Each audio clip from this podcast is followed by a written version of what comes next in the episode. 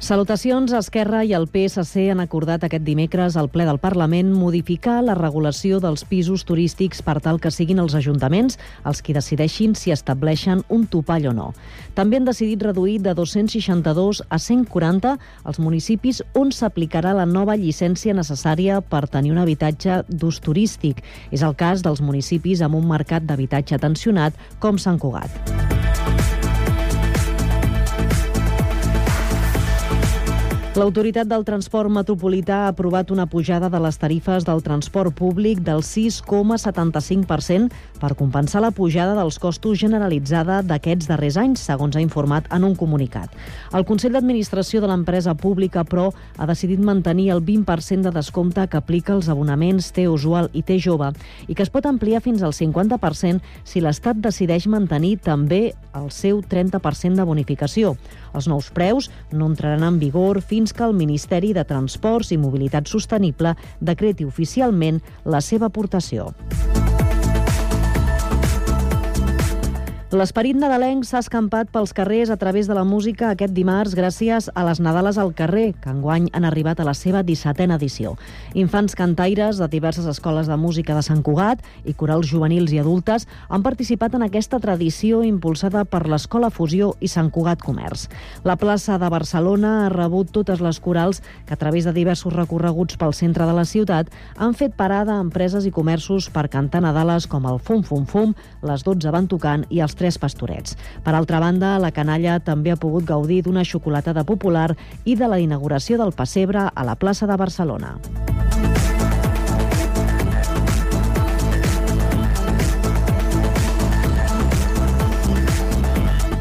I l'incansable pintor Lluís Ribas presenta una nova producció en forma d'exposició a la seva galeria a la plaça de l'alcalde de Magí Bartralot. Ahir, avui i és una nova proposta de pintures a l'oli que expliquen el canvi de rumb que l'artista Sant Cugatenc va emprendre fa 3 anys. La mostra es podrà veure aquest mes de desembre abans no marxi a la Wally Finlay Galleries de Palm Beach. En la inauguració d'aquest dimarts, Ribas ha aprofitat per presentar el llibre catàleg amb motiu de l'exposició amb text de la poetessa local Marta Pessarrodona.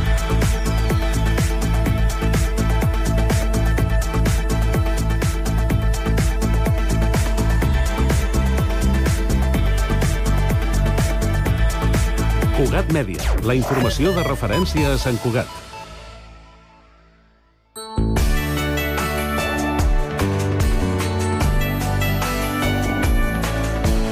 Ràdio Sant Cugat, Cugat Mèdia, 91.5 FM. Hora Sant Cugat, a Cugat Mèdia. per tu. No sóc un dels teus amants, però creu l'Himalaya per tu. I robaré 12 diamants, un per cada lluna plena per tu. Bon dia a tothom. Som al programa Per tu, del taller Jeroni de Moragues, i ens fa molta il·lusió portar-vos el nostre programa mensual aquí, a la ràdio de Sant Cugat. Tinc al meu costat el Marc, l'Helena, el Lalo, el Xavi i el Joan. I tots plegats us portem un programa ple de notícies rellevants i interessants que esperem que gaudiu tant com nosaltres hem gaudit preparant-lo. Comencem, doncs, amb la primera secció del programa, dedicada al propi Jeroni de Moragues. Endavant, Joan. El passat dissabte 25 de novembre va tenir lloc el concert de clams amb la col·laboració d'Arbores Amarillos. Aquest concert va ser l'esdeveniment que va tancar l'últim acte de celebració del 50è aniversari del taller Xeroni de Moragues i podem dir ben satisfets que va ser un èxit.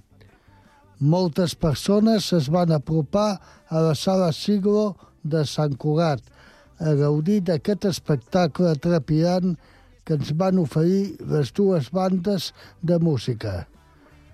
També volem fer especial menció a la setmana repleta d'esdeveniments que va tenir lloc a Sant Cugat entre el 27 de novembre i el 3 de desembre, en honor al Dia Internacional de les Persones amb Discapacitat Intel·lectual.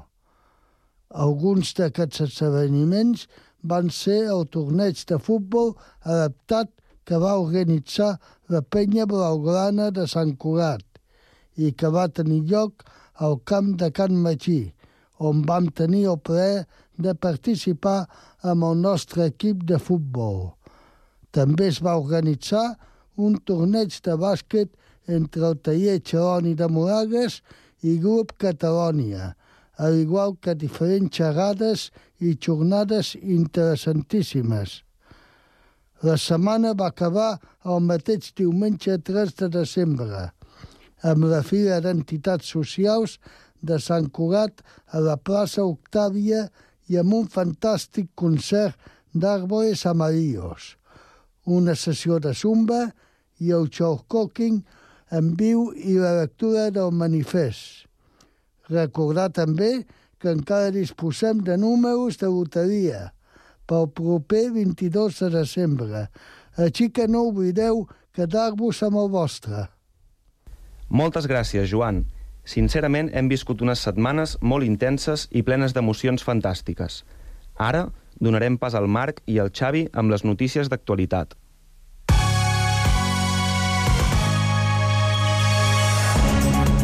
El passat 3 de desembre, coincidint amb el Dia Internacional de la Discapacitat Intel·lectual, es va protagonitzar el Telenotícies Vespre més inclusiu de la història de TV3, a l'estar copresentat i coeditat per la Isabel, la Bea i el Christian, tres persones amb discapacitat intel·lectual. Durant el Telenotícies es va esmentar algunes de les preocupacions i demandes més importants, com la de tenir més participació política i la llarga llista d'espera per poder accedir a l'habitatge. Des d'aquí volem compartir la nostra felicitat i il·lusió davant d'aquest esdeveniment històric i animem a tothom a continuar treballant en la mateixa direcció. Per l'altra banda, també volem explicar que la Sagrada Família està de celebració i és que el passat 12 de novembre va poder celebrar la seva tradició encesa de llum. Aquesta vegada es van encendre per fi les quatre torres que coronen l'edifici. Aquestes torres ja il·luminen el cel cada dia des de les 6 de la tarda a les 10 de, de la nit. Fins passades les festes de Nadal cal anunciar també que si no hi ha cap contratemps la obra magna d'Antoni Gaudí estarà totalment acabada al 2034.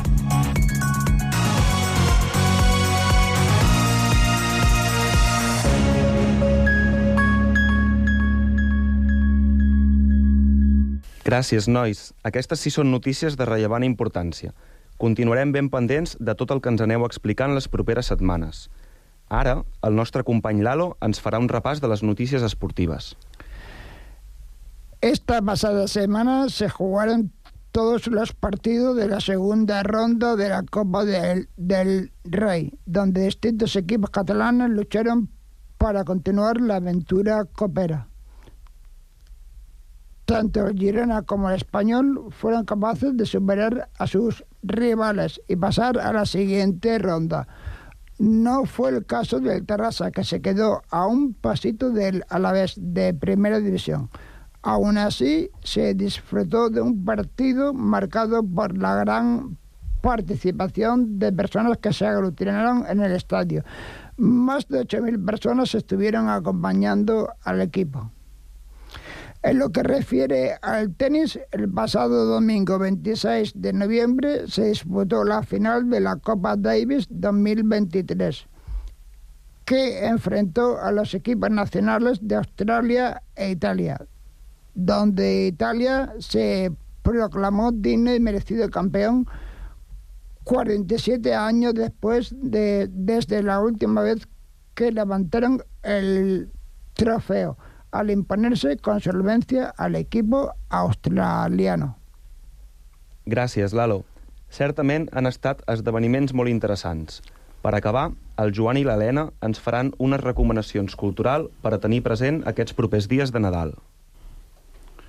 Doncs sí, David, aprofitant aquestes festes que estan a punt d'arribar, us volem recomanar un espectacle de màgia que estarà present fins al 28 de gener al Teatre Victòria de Barcelona.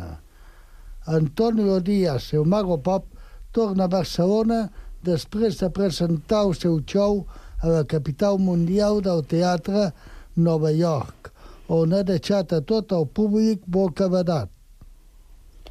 La passada nit del 16 de novembre va tenir lloc a Sevilla la, la 20 i quatrena edició de la gala dels Premis Grammy Llatins.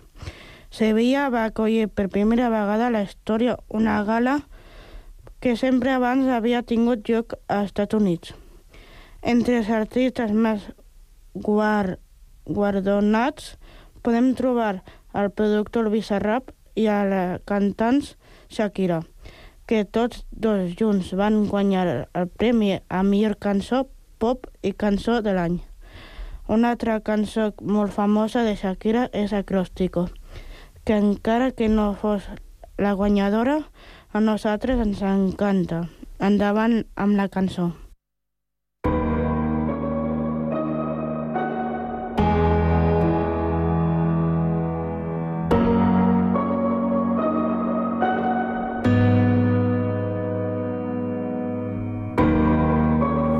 Me enseñaste que el amor no es una estafa y que cuando es real no se acaba.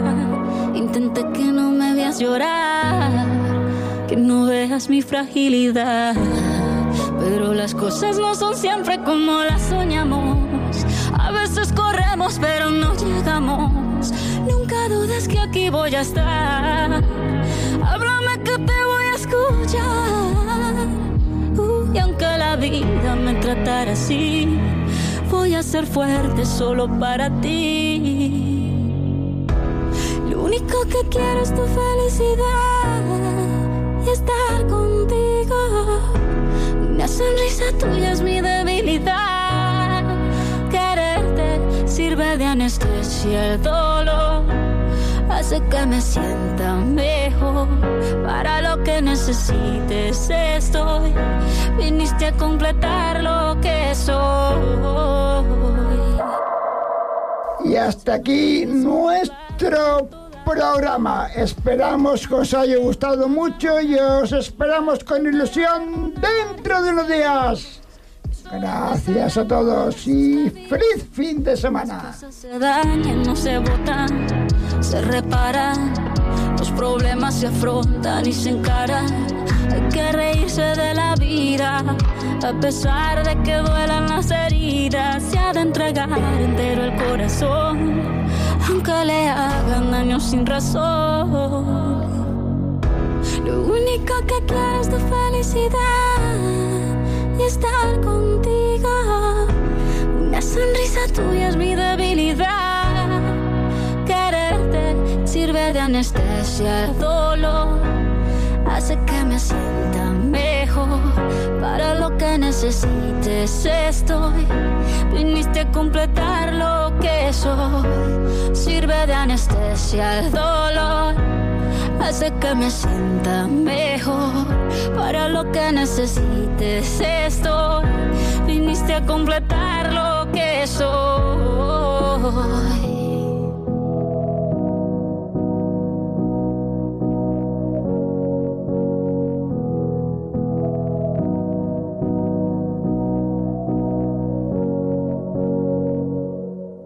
Hora Sant Cugat, a Cugat Mèdia.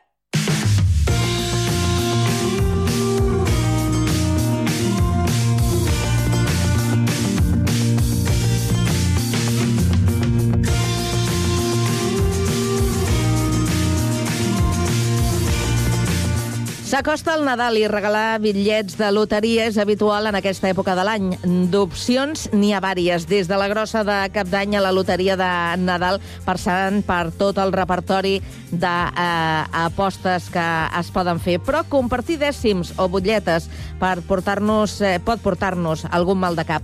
Per això, avui ens preguntem què cal fer per assegurar-nos que part del premi és nostre i que el podem cobrar sense problemes.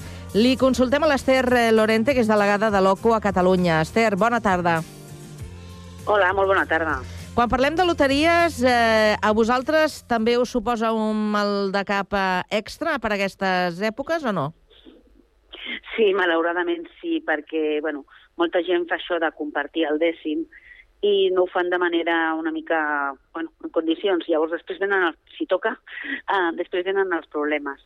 Nosaltres el que recomanem des d'OCU és que si s'ha de compartir dècim, hi ha una participació, això que se faci una fotografia del dècim per l'envers i pel revers, per totes dues cares, i que es digui eh, la persona que té aquest, eh, la participació i quants diners hi juga. Això es pot fer amb un document, que abans es feien aquestes participacions, Ara, avui dia ja han deixat una banda al paper, però sí que almenys ho podem enviar, encara que sigui per WhatsApp, per tenir una mica de prova perquè si toca després venen els problemes. I jo quan jugava o tu em vas dir, etc. Llavors, el millor és documentar-ho.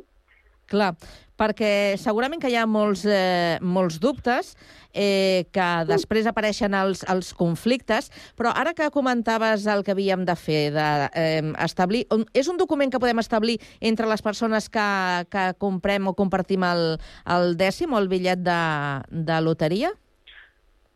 Sí, sí, amb les persones, amb una fotocòpia de l'envers i el revers, allà s'apunta tot i allà se li fa una foto i s'envia per WhatsApp. Tu tens això, l'altre té 5 euros, l'altre té 2. Bueno, doncs això ja queda tot documentat. A l'hora de, si es, si es guanya un premi gros, a l'hora de repartir, allò estarà documentat d'allò quan tenia i, i, i serà més fàcil. I cal, ho dic perquè també s'ha sentit a dir que en aquest eh, tipus de document que, que establim haurien de constar altres dades com, per exemple, el DNI que, que estigués signat per les persones participants. Tot això també cal que es faci? Mm, a veure, no cal, però si es pot quan millor es pugui identificar la persona, millor. Si poses Pepe, dos euros, doncs quin Pepe és, no? Això és una mica més complicat. Mm, tu pots regalar loteria, no cal que t'ho signin. Llavors dius, mira, jugues tant, tant en aquest dècim. Bueno, doncs li deixes per escrit, fas una foto i l'envies per WhatsApp no hi ha problema. Uh -huh. I el fet que s'hagi de presentar, o sigui, en aquest document consti la fotografia mm. de les dues cares de, del bitllet, si en fem una, mm. hi hauria algun problema? És que eh, la informació... Eh, pensa que el que és la butlleta, el, el, el dècim, diguem-ne, és com si fos un xec al portador. Llavors té unes marques d'aigua, té una sèrie d'informació tant a l'envers com al revers, que és important, és com si fos un xec, s'ha de fer per totes dues cares. A l'hora de cobrar, eh, bueno, si és un import eh, superior a 2.000 euros al dècim, s'haurà d'anar a una entitat financera. Si no, s'ha d'anar als establiments de, de loteria i allà fer, fer, fer la, bueno, cobrar-ho allà. Uh -huh. Eh, perquè ara que parlaves d'anar a cobrar el premi, perquè em sembla que eh, tothom ara, abans del sorteig, tothom està disposat, no? I comença a pensar a veure què, què és el que faria. Eh, a, efectes eh, fiscals cal tenir en compte eh, tot això que estem eh, explicant, perquè eh, en teoria el dècim eh, es paga el portador, no? La persona que porti l'original, si no hi ha eh, cap d'aquests documents que acrediti que està compartit eh, eh, per unes quantes persones. Eh, uh -huh. Efectes fiscals, eh, si ho cobrés només una sola persona, eh, després Clar. hauria de, de declarar, no? Clar, això, és, aquest és, això també és un consell que donem. Si toquen un dels tres primers premis i que són més de 40.000 euros eh, el premi, eh, llavors tributa amb un impost de, de, de jocs i apostes, llavors quan, tu, quan et donen els diners que has guanyat ja t'han deduït aquest impost. Què passa si jo doncs, bueno, he cobrat, m'ho invento, eh, 50.000 euros i els he de repartir? Jo abans d'anar a cobrar-los hauria de donar-li al senyor del banc el document dient que d'aquells 50.000 euros eh, les persones jugaven, i hi ha tantes persones que jugaven tants diners. Per què? Perquè jo cobraré els diners del premi i quan li faci la transferència al meu company de feina perquè tenia una participació, es pot entendre que és una donació. Llavors, per evitar això, quan anem a cobrar, hem de dir vaig a cobrar aquest premi que es reparteix entre tantes persones. Mm -hmm. Una altra opció passaria, també s'han donat eh, casos, d'obrir un compte comú entre les persones que comparteixin aquell eh, número, perquè efectes fiscals doncs ja constarien tots els que queden repercutits, no? Sí, sí, també seria una opció, però bueno, això, si no, ni, si no juguen les mateixes quantitats, dona problemes. Llavors, de vegades és més fàcil fer, un, fer només un document.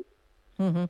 Abans et En qualsevol cas, si, si, si, toquessin, si toquessin el, els premis gruixuts, jo el que bueno, recomanem és uh, guardar el, el bitllet, no anar, no anar ensenyant-lo, això primer de tot, i després assessorar-se bé, mirar la web de loteries i apuestes, assessorar-se bé de quines són les coses a, a fer per evitar ensurtos.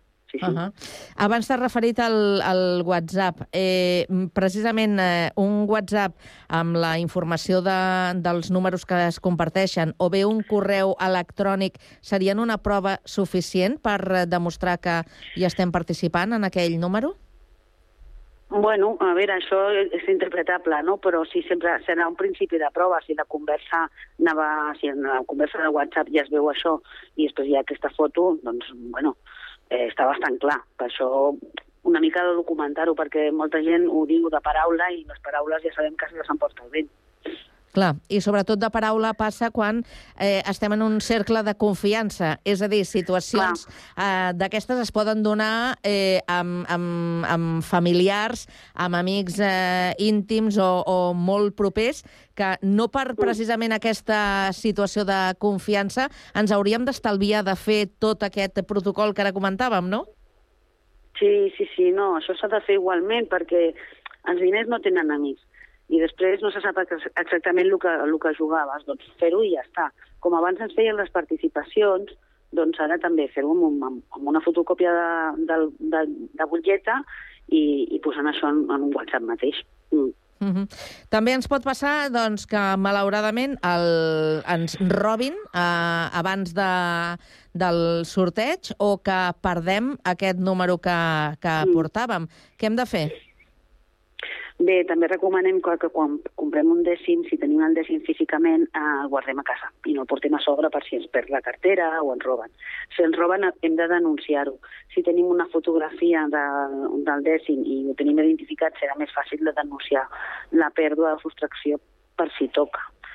Uh, però bueno, també serà complicat i, i si, uh, si, si el perdem hem, hem d'avisar a la, a la xarxa de, de loteries i apostes de l'Estat. A, a qualsevol cercador poseu loteries i apostes de l'Estat i allà et diuen les passes que has de, que has de fer. Mm. Perquè anar a posar una denúncia serviria d'alguna cosa o com? Bueno, això, això és jutges, jo això no, no, no m'hi fico, però bueno, després si tu dius que, que això t'ho han robat uh, i és aquest dècim amb aquest número de sèrie, etc i després això toca i algú ho va comprar, doncs podries discutir eh, si, era, si era seu o no. Eh, es podria començar a discutir. Clar. També es podria discutir, encara que tinguéssim totes les fotografies o totes les imatges en WhatsApp, com hem comentat a, sí. abans, no? Sí, sí, sí. Sempre és, sempre és tenir una mica de, de prova. Si tu has posat una denúncia perquè t'han robat el dècim, l'identifiques el dia, m'ho invento, avui, que és dia 20, uh, bueno, pues, eh, a veure si després toca uh, la persona que el té el 21 i el 22 i el 23, doncs potser no era la legitimària no, d'aquest dècim, però com que és el portador, doncs aquest és el problema. Mm -hmm. Us heu trobat, eh, Esther, en, en algun cas eh, curiós al voltant de, del tema de la loteria que us hagin vingut a, a, a denunciar, l'OCU? No, no, no, no, tenim, no hem tingut aquestes situacions que jo, que jo tingui entès, més que res perquè, a més, una cosa que tampoc no toca a tothom, és a dir, eh, la loteria és aquell impost que paguem els espanyols més contents, no? Que tothom compra però després no, no toca habitualment. Uh -huh. Tu em portes loteria? No. Ni un número? Jo no, jo sóc una mica... No, jo sóc una mica grinch, jo no, no, no, no m'agrada. Però no, bueno, així, així segur que no... Apretant, ah, és que, escolta, si toca o si no sé què, bueno, pues si toca m'enlairem molt per vosaltres, però no, no porto, no porto res. I no hi ha ningú que digui, mira, aquest número te'l regalo. Tampoc. Bueno, si me'l regalen, vale, perfecto, però jo no, jo no el pagaré. Doncs eh, això, això que t'estalvies. Fent una mica de, de resum per eh, recollir el més destacat de, del, del tema. Si volem evitar problemes en el cas que ens toqui la grossa o un premi i, important, i és un número que compartim, què hem de fer? Eh, recordem l'ABC. Esther. Sí, hem de fer fotografia, fotocòpia per l'anvers i al revers i hem de posar en un document, en un paper, el nom de la persona i si podem, doncs la podem identificar com millor la podem identificar, si, si pot ser amb el DNI, i la, els diners que hi juguen aquell dècim. Amb això tindrem acreditat que ja doncs, eh, que, és, que és compartit. Mm -hmm.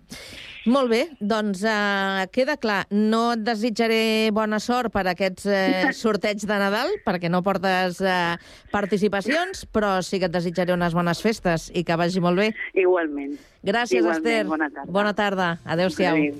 Adéu.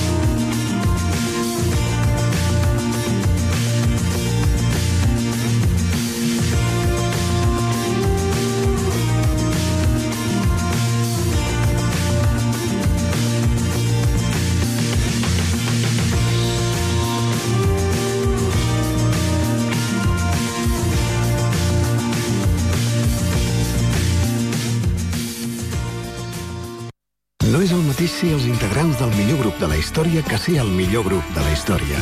Per això, el grup català Occident serem Occident, perquè per continuar assegurant-ho tot, tot i tot, ens havíem d'ajuntar tots, tots i tots.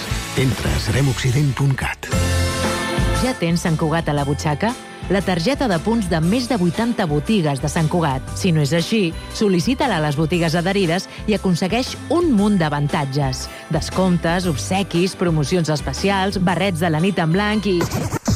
No ens podem allargar tant. Consulta www.santcugatalabutxaca.cat. Ara també utilitza la teva targeta al Mercat de Torreblanca.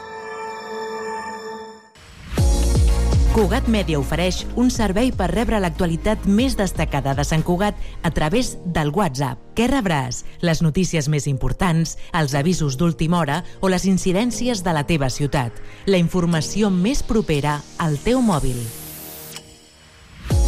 Com et pots subscriure al canal de WhatsApp? Envia un missatge de WhatsApp que digui alta al 673 172 075 i segueix les instruccions de subscripció. L'actualitat més propera al 673 172 075.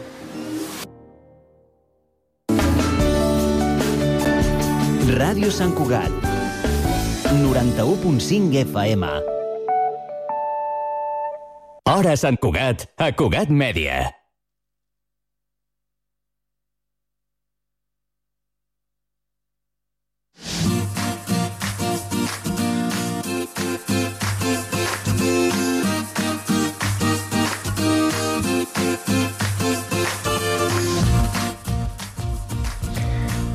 Hola, bon dia. Soc la Fàtima, presentant als meus companys i companyes del Centre de Formació de Persones Adultes de Sant Cugat.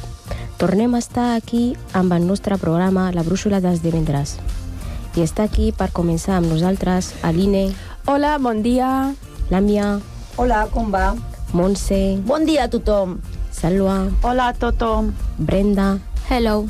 Estàs escoltant La Brúixola dels divendres, el programa de ràdio CFA Sant Cugat comencem les notícies.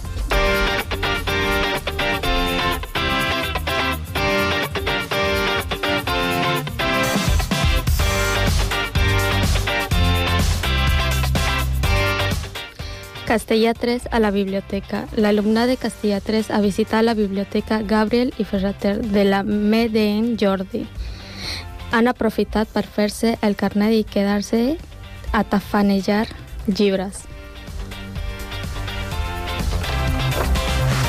Instrumental 3 al cinema. Los alumnos de Instrumental 3 han anat al cine a veure El maestro que prometió el mar. Després, a classe, han compartit les sensacions que els va produir la pel·li. Podeu anar a la Instagram de l'escola per veure alguna d'aquestes aportacions. Treball transversal d'Egipte. Jesús i Jesús han aprofitat la sortida al Museu Ideal sobre Tutankamón per realitzar un projecte de les piràmides i fins i tot construir un trivial sobre curiositats.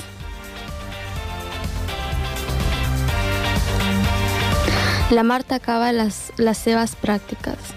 Després de dos cursos amb nosaltres, la Marta ha acabat la seva estada de pràctiques del grau d'educació.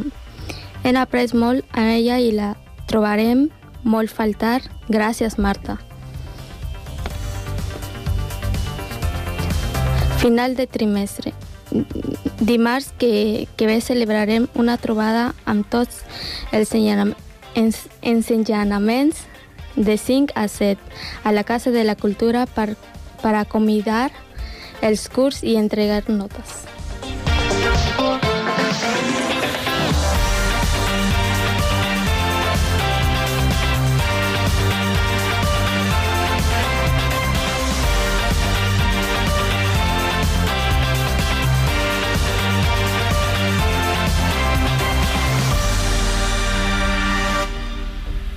Estàs escoltant la brúixola dels divendres, el programa de ràdio de CFA Sant Cugat. Avui volem explicar-vos 10 curiositats de l'antic Egipte, perquè a final de novembre vam anar a l'exposició Tutankamon al Museu Interactiu Levial. Tot el que hem descobert surt d'una recopilació de llibres que ens ha preparat la Biblioteca Gabriel Ferrater. Gràcies per col·laborar amb nosaltres. Comencem. Sabeu que els i les egípcies es maquillaven? És interessant esmentar que en aquella època no es diferenciava entre gèneres quan parlem de maquillatge. És a dir, no es distingia entre homes i dones, sinó que el maquillatge o el pentinat depenien de la edat o de la classe social. Tant les dones com els homes utilitzaven tipus de pólvora pels ulls, que, segons els investigadors, estava fet de plom. Això reduïa la producció de monòxid de nitrogen, provocant un enforciment del sistema immunològic. El sistema el maquillatge també s'utilitzava en cerimònies religioses i s'utilitzaven productes poc habituals avui en dia, com el suc de mora, sang, ossos o fins i tot excrements d'alguns animals. Excrements? Sí, sí, com els escoltes. Uex.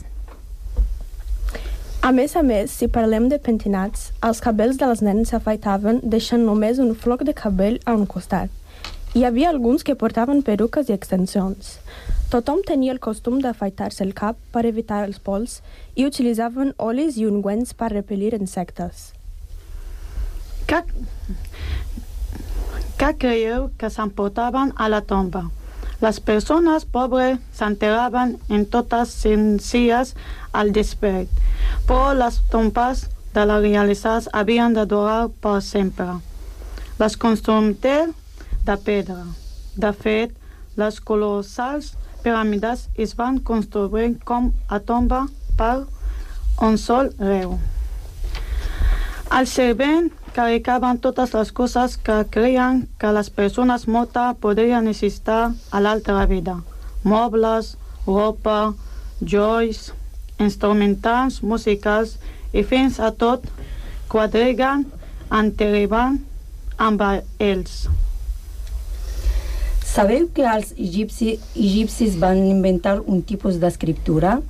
Els egipcis escrivien els jeroglífics de dreta a esquerra, o sigui, al revés que nosaltres, però també escrivien d'esquerra a dreta i tampoc era estrany com barregissin les dues direccions en una mateixa escena. Quin embolic! Si volguéssim aprendre a llegir bé els jeroglífics, estareu una pila d'anys estudiant llebre ben gru gruixuts i segur que us agafaria més d'un mal de cap. Sabeu com es modifica una, un cos? El cos s'embolica. Durant el procés embolcallament, un sacerdot llegia sortilegis en el veu alta per afegir una capa addicional de protecció. Per a les mòmies importants, feien servir peces de roba que s'havien utilitzat en les cerimònies religioses. Però les persones més pobres feien servir peces de roba velles. El material es tallava en tires fines i llargues. Començava pel cap fins a la resta del cos. Algunes mòmies acabaven volcallades amb 375 metres d'allí. Quins eren els déus i en els que creien els egipcis? En l'antic Egipte creien en nou déus i cada un d'ells era diferent, però coincidien en una cosa. Cinc tenien forma d'animal i quatre d'aparença humana. El primer Ra, déu del sol. Segon, Horus, déu amb cap de falcó i protector dels faraons, és el déu de la fe. Tercer, Osiris, rei de l'inframont i déu de la fertilitat. Quart, Anubis, és el que traslladava els difunts al més enllà. Cinquè, Bastet, la deessa dels gats i de la família. Sisè, Isis, la sobirana de la màgia. Setè, Tot, déu de la lluna i de la saviesa. Vuitè, Maat, déu de la veritat i la justícia.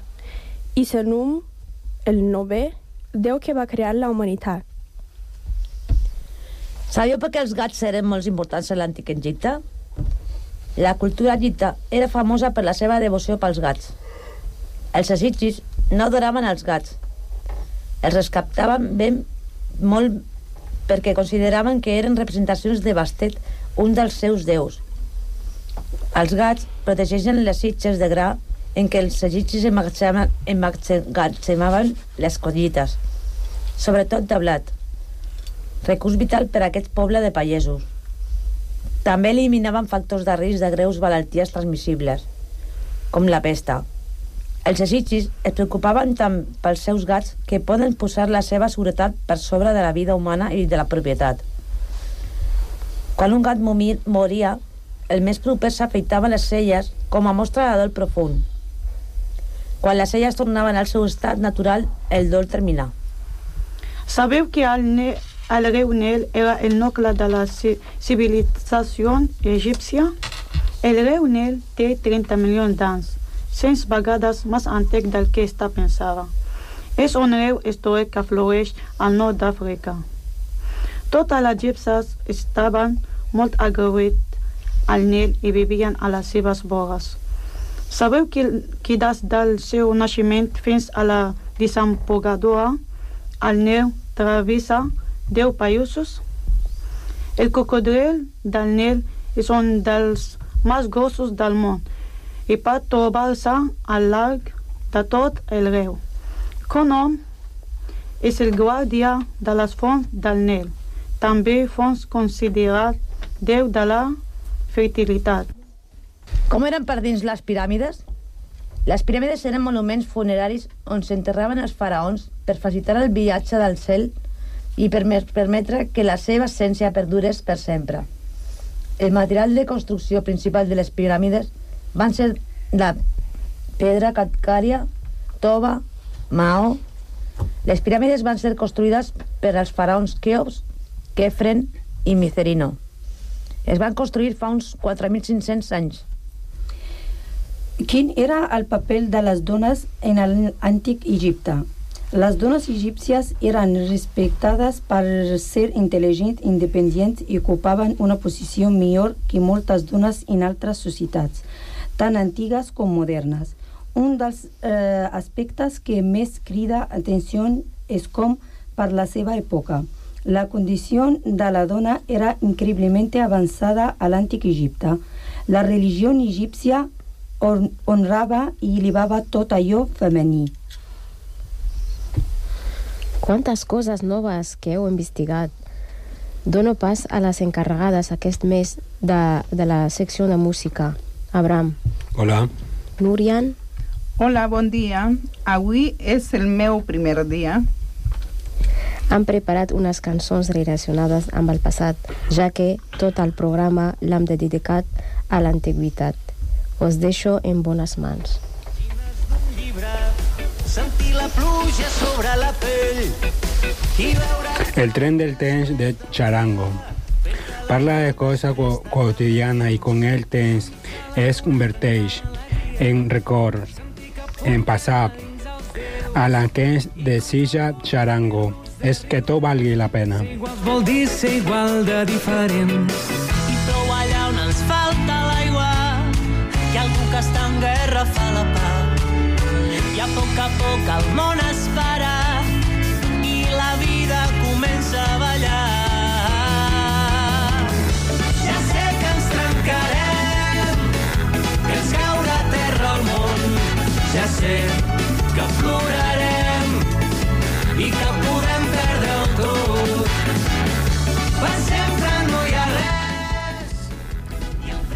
I fai kut tor baktain. Cher, la cantat d'aquesta història parla if it could de explorar la nostàlgia, la noció de la eternitat i de l'anel, de corregir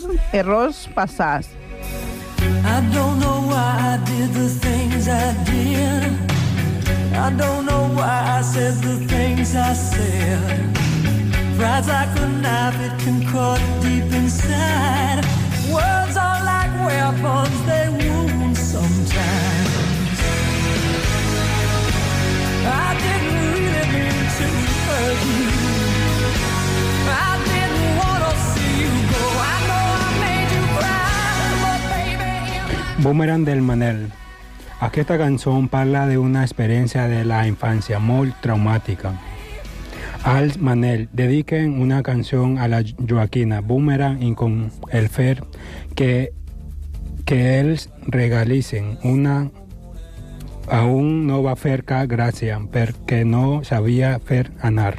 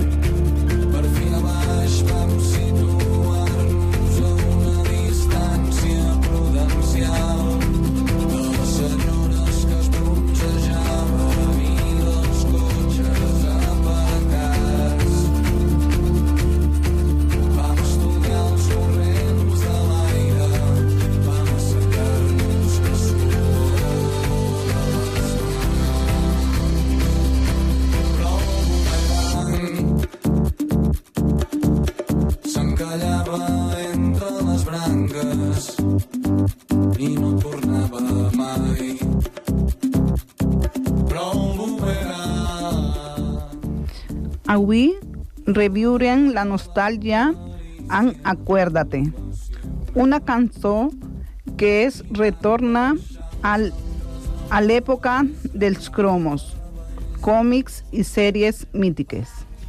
Un homenatge a la infància, amb referències a l'època dels 80, que ens recordar els somnis i aventures de la nostra joventut. Mil efectos especiales. Actuaba un tal Darth Vader y venían de un planeta sideral. Tenías tanta ilusión por ser mayor que imitabas a tus ídolos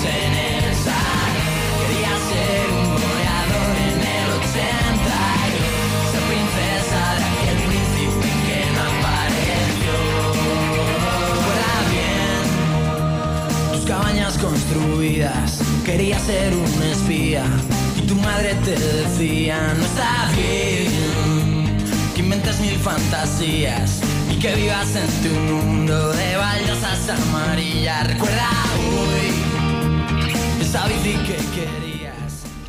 Estàs escoltant la brúixola dels divendres, el programa de ràdio de CFA Sant Cugat. No ens ob- oblidem que és Nadal, que s'aco- s'acosten les festes i nosaltres tornem ja al gener. Per això us deixem a la nova Nadal de Joan Dausà, per nosaltres i als de, de dalt. Bones festes! forat per veure'ns. Ara que costa tant oblidar que ens hem fet mal. Ara que costa tant riure fort sense sentir que et tiba el cor. Vas i obres la porta i tot es fon. I és Nadal i em fas una abraçada que parla de la ràbia i les ganes d'estar bé. Resta tant se val. I brindem per nosaltres i els de dalt. I ara som a taula i tothom parla a la vegada. Us miro un per un avui, per fi em sento a casa. El tiet amb la forquilla pica una copa de vidre i explica alguna història que entra allà. Grimes fa riure. I és Nadal i em fas una abraçada que parla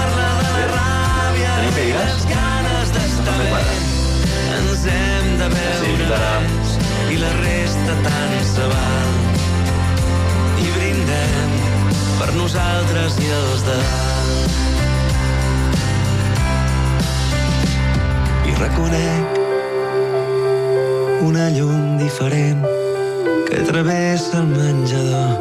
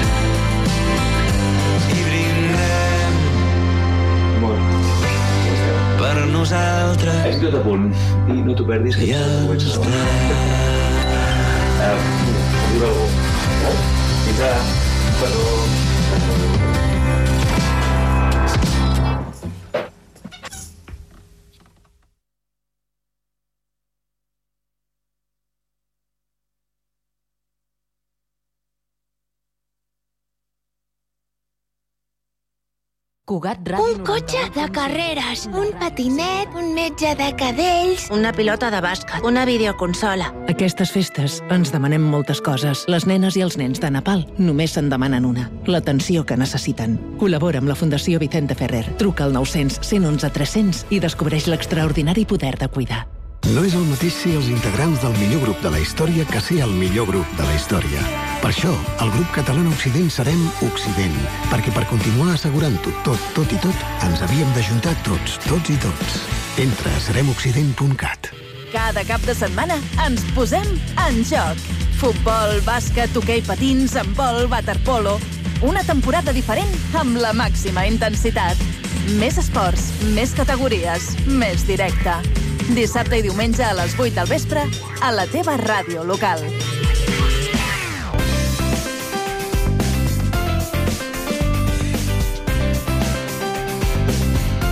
Ràdio Sant Cugat, 91.5 FM. Hora Sant Cugat, a Cugat Mèdia.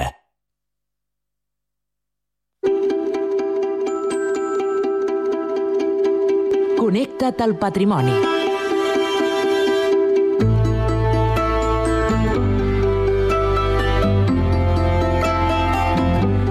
Perquè la gastronomia també és patrimoni dins la programació d'activitats Nadal als museus de Sant Cugat eh, té prevista una de molt especial.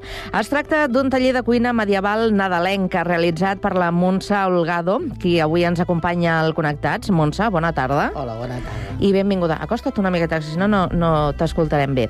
També ens acompanya la Eva Jové, que és la coordinadora del Servei Educatiu del Museu de Sant Cugat. Què tal, Eva? Hola, bon dia, molt bé. Mm, Bé, doncs, suposo que ja ho teniu pràcticament tot a punt. De totes aquestes activitats, avui ens concentrarem únicament en aquest taller de cuina eh, medieval, però m'imagino que heu preparat eh, una oferta àmplia i variada perquè durant aquests dies de Nadal eh, els santcuatencs i santcuatenques estiguin entretinguts, no? Sí, tenim tota una oferta molt variada que ja es pot consultar a l'aplicació de, de Nadal de l'Ajuntament de Sant Cugat i també a les nostres xarxes socials i de més. Està tota, tota la informació allí per fer la, les reserves. Mm -hmm.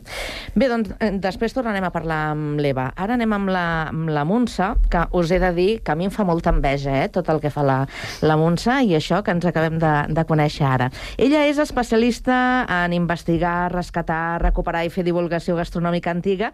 És xef multicultural, a banda de filòloga catalana i traductora. Escolta, Mhm. molta cosa, eh? I tot amb molta essència. Això sí, les meves passions. La Molta la essència. Per si algú tenia dubtes de per què avui parlem de cuina en un espai de patrimoni, jo deia, mm, perquè la gastronomia també és patrimoni, oi que sí? Evidentment. Gastronomia és cultura. Sí, sí, a més va superinterconnectat, sobretot també amb, la, amb el monestir, Mm. perquè mm, l'Església, potser ara d'una manera més tangencial, però abans l'Església reglava moltes coses de la vida quotidiana de les persones. Des del moment que, mm, eh, doncs que no podies menjar segons quin tipus d'aliments, a Quaresma, per Nadal, així, i, i és molt interessant. I escolta'm una cosa, aquest taller és la primera vegada que es fa a Sant Cugat, Eva? Sí, sí, aquí al museu és el primer. És el la primer primera cop. vegada. Però tu, Montse, ja l'havies fet eh, Sí. anteriorment? Sí, sí, l'he fet a Cerdanyola, a Barcelona, moltes vegades. Són les fricades que m'agraden, aquestes, cuina romana, cuina medieval, cuina monàstica... Sí, sí. Ostres. Eh, es... Perquè a més és que... Perdona, eh, que No, no, no, no, t'interrompeixi. Eh, a tu et sembla, et semblarà que és com molt exòtic, no? Ui, cuina medieval, què deu ser això, no? Doncs no, hi ha un continuum en el, en el manuscrit del Sensoví del 1324, ja surt la recepta dels espinacs a la catalana. Ostres. Per tant, hi ha un, un continu que no l'hem deixat pas.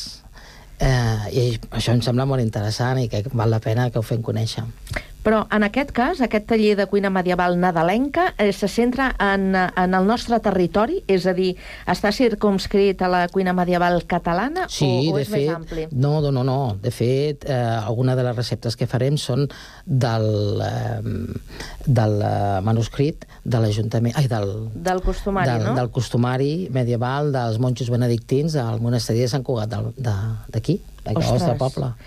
Així també Sí, sí. sabrem com, com menjaven, no? I tant. I com es cuidaven de bé. Es cuidaven Que bé, sempre, es sempre, cuidaven. sempre es cuiden. Sobretot perquè ells, com a molt, molt bons benedictins, eh, combregaven amb la dita de Sant Benet, que era hora, elabora. Per tant, havien de durar molt, havien de pregar molt, però havien de treballar molt i havien d'estar ben alimentats. Mira, una de les, per exemple, la dieta habitual de- d'un monge podia ser eh, diària un litre i mig de vi, Ostres. Et semblarà molt, Eh. però moltes vegades era més sa beure vi que beure aigua. Això m'ho deia el meu avi. I el vi era, era considerat també un aliment i també pel seu poder simbòlic, no? Menja, això, menjava un, vora d'un quilo de pa i uns 100 grams de llegum. No, no és una mala dieta. Pa i companatge, no? Com, com a tot sí. arreu. Sí, sí, sí, sí. Eh, lo del vi simbòlic, eh, s'ho feien venir bé, no? S'ho feien venir molt bé. S'ho feien venir molt bé. Però, a més, jo m'imagino que quan parlem d'aquesta època, els monjos eh, treballar, i clar, mm, treballaven, mm, una de les, eh, de les tasques, de les feines que feien era l'hort. És no? que eren autosuficients. I, per tant, eh, conreaven i, i, i disposaven després Conreaven, de tota, tota la tenien- matèria primera? Tenien cura del ramat, moltes vegades tenien accés a llocs, trams de riu, que només eren per ells, i també, quan els hi faltava alguna cosa, feien intercanvis amb altres monestirs. Sí, sí, està, eren autosuficients. Mm. Escolta, com era, Montse, aquesta cuina medieval eh, nadalenca?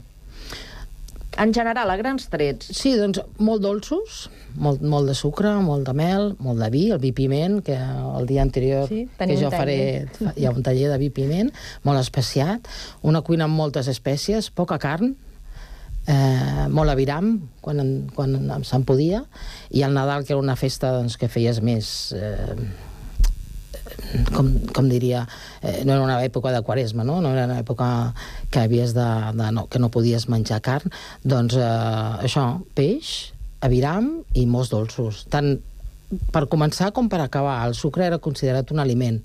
Per tant, una mica de sucre quan escodellaves al damunt mai anava bé, mai anava malament, sempre anava bé. Ah, és curiós perquè mm, diu dolços. Mm, Dolços, tradicionalment, per Nadal, és l'època que segurament en mengem més, no?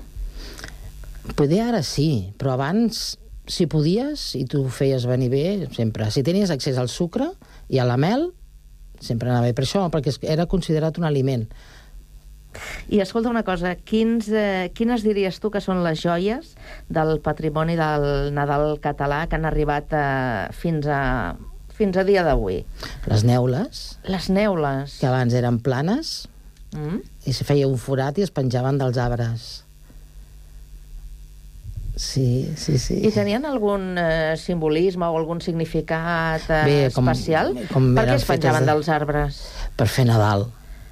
Per fer Sí, com a Nadal. decoració? Mm, sí, sí. I el vi piment, sobretot. Un vi especial que es menjava, es bevia calent i confortava el cos. I l'esperit, també. El vi piment, vinga, que ja me l'has esmentat un parell de vegades. Te'l recomano, eh? Jo ja l'he fet, No, eh? El regalo a la meva família i als meus amics. No tinc ni idea. I quedes com no una tinc ni reina. idea, però és un vi que, que es pren eh, com a postre al final de, del, de l'àpat o, o com? Mira, l'època medieval es prenia tant al començament com al final. Home, clar, tu diràs. I, i depenent si era hivern o estiu, es feia amb vi rosat o amb vi negre. I el que feies, feies, s'escalfava i s'hi posava mel o sucre, però bàsicament mel, i s'hi posava moltes espècies. Tantes que... Espècies. Sí, sí, perquè l'època medieval és una època riquíssima en espècies. M'encanta. El menjar medieval, d'aquell ens pensem que era tot, no sé, doncs una mica ferèstec, no?, podríem dir, però era molt exquisit. El pebre, la canyella, el gingebre, el safrà. El safrà es conreava a, a tot el llevant, a la Catalunya, a la Catalunya Nord. Era, era l'única espècie, de fet, que no, que no s'importava. Es conreaven aquí. I quines són les espècies que porta aquest vi? Totes aquestes, pebre, Totes? Totes? gingebre, el massís, el massís, saps què és el No. massís? Doncs el massís és, es feia servir moltíssim i és la placenta de la nou moscada. Ah. És com la nou moscada, però potser una mica més, amb un punt una mica més com de picantet. I es feia servir moltíssim. Evidentment, si te la podies pagar, com tot. Vaja, però eh, i aquest vi era un vi que es prenia a l'època, ho prenien només eh, els monjos o també ho prenia... La noblesa, i qui s'ho podria pagar, I ciutadans, pagar. mercaders... Mm. Ostres. De fet, per exemple, el vi de la primera premsada era per la, pel clergat i també per la noblesa. Després, la segona, tercera premsada, doncs ja anàvem Quina baixant. sort, quina sort, eh? Que bé que vivien. Bé, és que podien, no? També perquè Francesc Eiximenis, el frare, també deia pobres als monjos, els més pobretons, doncs només uns alls, unes cebes i una mica de cansalada quan era... Però també tenim el bisbe, no? El, aquest embotit que li diem bisbe, Ah, sí? perquè li en diem. Clar. Clar. Era gros com un bisbe. Mare meva, ja estava El qui boníssim. podia, el qui podia. Sí, sí. Eh, Explica'ns una mica, Montse, com, com funcionarà aquest taller. És a dir, la gent que, que hi participi, què, què, què es trobarà? A què, què anirà a fer? Doncs mira, farem una mica d'introducció, com ara estem fent, de què es menjava i per què es menjava, com funcionava el, el monestir, i d'on han vingut aquestes receptes. I aleshores en farem una que és eh, força famosa i també és com intercultural, perquè li diem el madroc, i aquesta ja està en aquell llibre.